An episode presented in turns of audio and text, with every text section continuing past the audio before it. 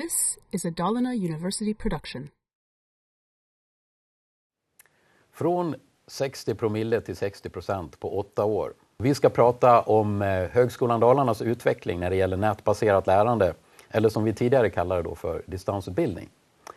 Det är ungefär det som vi säger att den utvecklingen har skett på åtta år. Att vi har gått ifrån en liten, liten del ända till idag då vi är ungefär 60 procent av våra studenter på nätet. Jag heter Stefan Rodheim och är chef för någonting som heter IKT Pedagogiskt Centrum på Högskolan Dalarna. IKT Pedagogiskt Centrum jobbar med pedagogisk och teknisk utveckling av det nätbaserade lärandet. Och jag, tillsammans med mig är... Jag heter Jan Svärhagen. Jag är ansvarig för nätbaserad utbildning tillsammans med Stefan Rodheim. Jag jobbar på Utbildnings och forskningskansliet.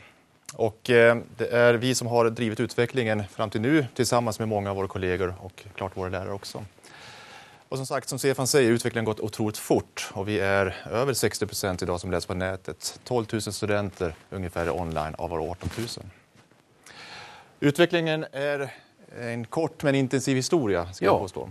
Så man kan säga att 2002 då startade vi det här då som en, en strategiskt eh, vi kan säga då, det var egentligen det att vi, vi ansåg som en regional högskola, regionen behövde få fort och vidareutbildning. Så 2002 så startade vi ett projekt eh, och eh, jag och Janne anställdes för att göra det här tillsammans på en del av vår tjänst.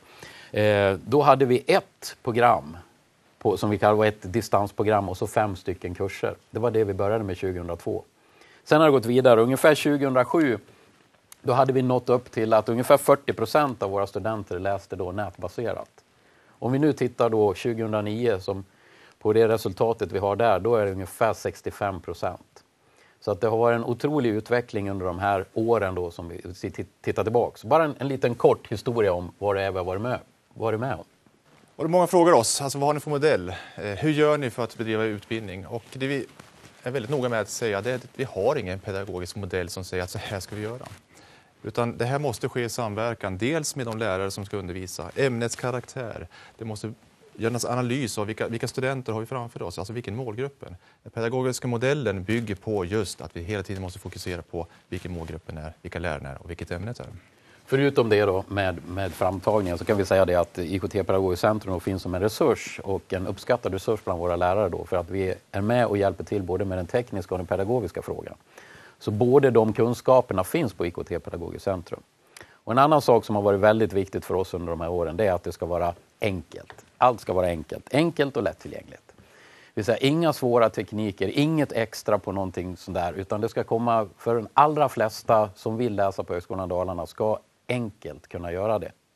Enkla tekniker. Vi jobbar eh, mycket med att man ska kunna läsa hemifrån, det vill säga webbaserat. För vi ser att det är en, en enkel teknik att utveckla och som är billigt och möjligt för i princip alla att skaffa. Det är några av de idéerna som finns runt omkring det här och som man skulle kunna säga då någon form av pedagogisk modell för alltihop. Idag har vi ungefär studenter i 62 länder tror jag vi ligger på. Ja. Eh, och de flesta som läser här de är ju svenskar fast som finns i andra eh, delar i världen. Och så kommer det se ut. Vi kommer ha mer rörlig population överhuvudtaget och definitivt kommer våra studenter i hög grad vara rörliga. Och det är det här vi ser, kanske till exempel i lärarprogrammet. Lärarutbildning som vi satte igång för ganska många år sedan som ett, ett helt program som vi kör på nätet. Vi har väldigt få träffar online, eller väldigt få träffar på campus. Och varför har vi det? Jo, för vi ser att det går att bedriva utbildningen online. 85 procent väljer, eh, senaste undersökningen, väljer att läsa på nätet. Och det gör de, vad jag förstår, på grund av att det är bra utbildning, för att det är hög kvalitet. Och eh, där ser vi bland annat också att vi är tvungna att utbilda även handledare som tar hand om VFU-placeringarna för studenterna på skolorna. Och det kör vi också online. För att vi ser, vi har inte studenter bara i Dalarna, vi har studenter i hela landet och en del studenter till och med utomlands. Och den här utvecklingen ser vi, det kommer fortsätta. Kompetensutveckling inom skolan måste ske under mer flexibla former. Utbildning överhuvudtaget måste ske under flexibla former och det ser vi i lärarprogrammet som ett exempel. Som. Det vi också är väldigt noga med det är att interaktion ska ske i mycket hög grad. Det finns en riktigt stor fara med att man gör utbildning som någon sorts digitaliserad form av Hermods, det vill säga att man skickar brev till varandra.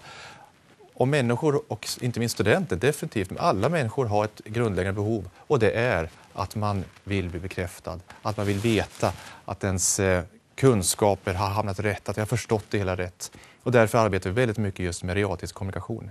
Vi är det lärosäte i Sverige som absolut högst grad bedriver realistisk kommunikation och det gör vi i vårt verktyg som heter Adobe Connect. Där har vi mellan 300 till 400 studenter och lärare som sitter och samtalar med varandra varje dag, timme efter timme och kvällar också. Ja, det är intressant. Ett annat program som är väldigt intressant och som, som vi är unika med för i landet då, och det är någonting som heter utveckling av e-tjänster. Eh, och eh, vad som är speciellt med det här och som är intressant och som gör att vi har liksom pressat många olika system till så långt bort i huvudtaget går, det är det att i, i det här programmet som är ett, ett dataprogram, informatik, kan vi säga då, inom datateknik och informatik, så är det att man kan börja när man vill.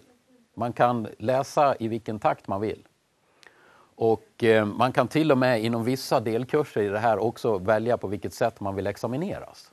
Och det här är ju någonting som är fantastiskt och som vi tror faktiskt är eh, framtiden på något sätt inom, inom högre utbildning också. Att man ska öppna för en större flexibilitet.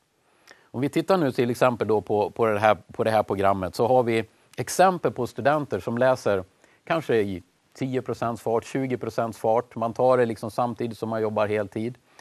Vi har studenter som har läst den här i, i dubbel fart.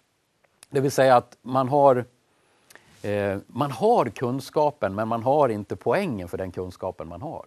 Så vi har studenter som har börjat en kurs här sagt att ringer upp eller kontaktar och säger jag vill börja den här kursen nästa vecka. Vi säger det är perfekt, det ordnar vi, inga problem. Och så börjar man på måndagen och sen så anmäler man sig på fredag att nu vill jag tentera av den här kursen. Och då blir de allra flesta väldigt skeptiska. Men då visar det sig att då har man jobbat med det här i många, många år. Man har kunskapen, men man vill också få poäng för det här.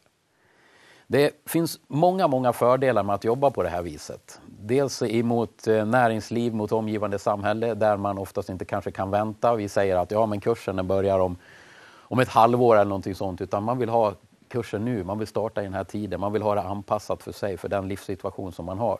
Så det här är ett jätteintressant program. Och det finns en, en hel del kurser då inom det här programmet som vi bland annat ser exempel här på. Då.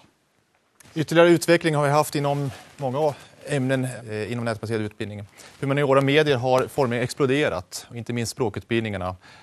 Eh, språk var för ungefär 5-6 år sedan mer eller mindre på utdöende. Då började man fundera hur ska vi kunna bedriva utbildning även här online. För vi såg att målgruppen det handlar om här, de kommer inte till campus för att läsa enstaka kurser. Idag så växer eh, språkämnena enormt snabbt. Vi har sammanlagt idag 13 stycken områden eller språk där man kan läsa på nätet. Och de här kurserna fyller vi.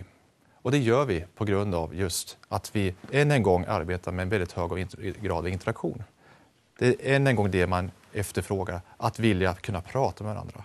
Och det går minst lika bra att göra online. För att vad vi har gjort är också att vi bryter ner gruppen till mindre grupper än vad man är på campus. Så där får alla komma till tals i högre grad. Det finns ofta en föreställning om att eh, men online, ja, men det, det är inte lika bra som det här mötet ansikte mot ansikte. Vi eh, vill väldigt gärna pröva den idén några gånger till för att vi vet att många gånger är faktiskt det till och med bättre online. Många av våra lärare säger, speciellt inom språket, säger de vi har bättre kontakt med våra studenter vi har online än vad vi har på campus. Den andra föreställningen finns ju klart att de säger att ja, men jag tycker det är bra att ha dem på campus för jag, då kan jag se dem framför mig, jag vet vilka de är. Och min erfarenhet som lärare inom religionsvetenskap det är att jag har ingen aning om vilka som finns i föreläsningssalen. Jag vet kanske den som är bäst, jag kanske vet den som är väldigt svag, för de brukar ha, kanske ge uttryck för olika saker. Men de däremellan har jag ingen aning om vilka de är. Men online så blir det en annan sak.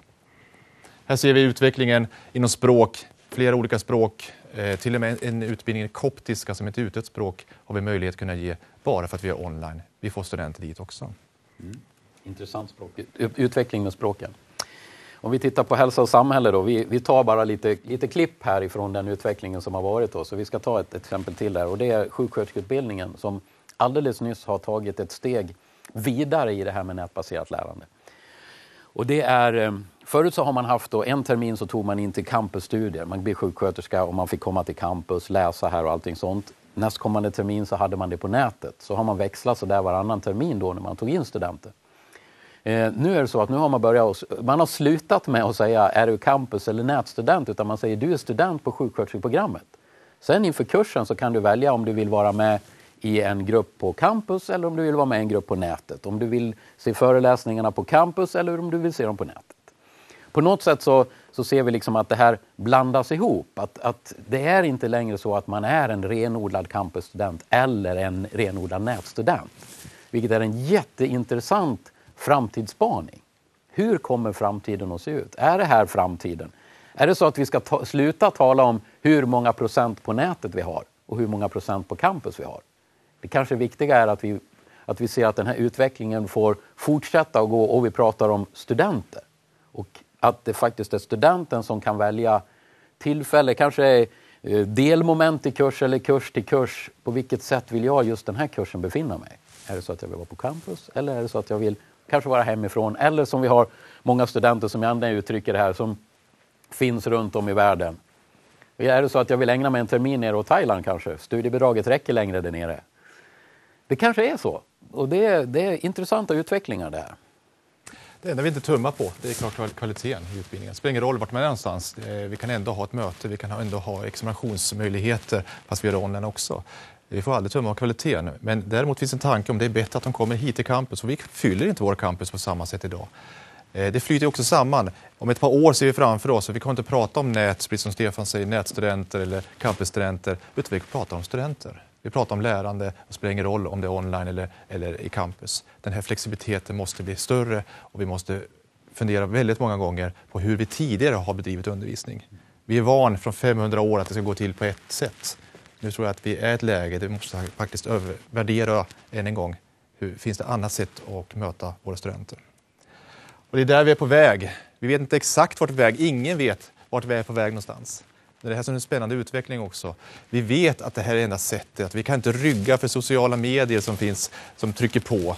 Eh, vi kan inte rygga för, för eh, att man vill ha en annorlunda studiesituation. Utan ni, nu har vi kommit till läget att vi måste faktiskt fundera en gång till. Hur kan vi nyttja alla dessa goda saker som sker med kommunikation på nätet, eh, med kommunikation via mobil och liknande till att göra något väldigt bra inom utbildning. Och det finns ju mycket saker som ligger framför. Vi behöver också få löst det med juridiska frågor som det finns en del då. Att vi inte riktigt, juridiken hänger inte med eller hur man ska säga med övrig samhällsutveckling, upphovsrättsfrågor och sådana saker.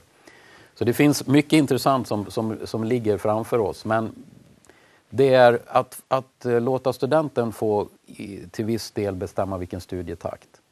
Och också bestämma då blandning mellan nät och campus. Det ser vi att dit på något sätt är vi på väg när det gäller det här. Och med det så vill vi tacka för oss. Det var en kort information. Det kommer bli flera tillfällen vi kommer att prata om det här. Men eh, det här tror jag också är ett steg att vi finns på iTunes University, ligger ut med våra föreläsningar. Vi måste bli mer öppna och lägga ut det vi har. För vi har mycket bra eh, och goda föreläsningar. De ska komma ut till allmänheten. Det ska vara lättare att ta del av dem. Mm. Plocka ner till sin iPod eller till mobiltelefon. Det här är ett naturligt sätt för ungdomar och för nya generationer idag och det måste vi också kunna erbjuda. Tack för oss. Tack så mycket.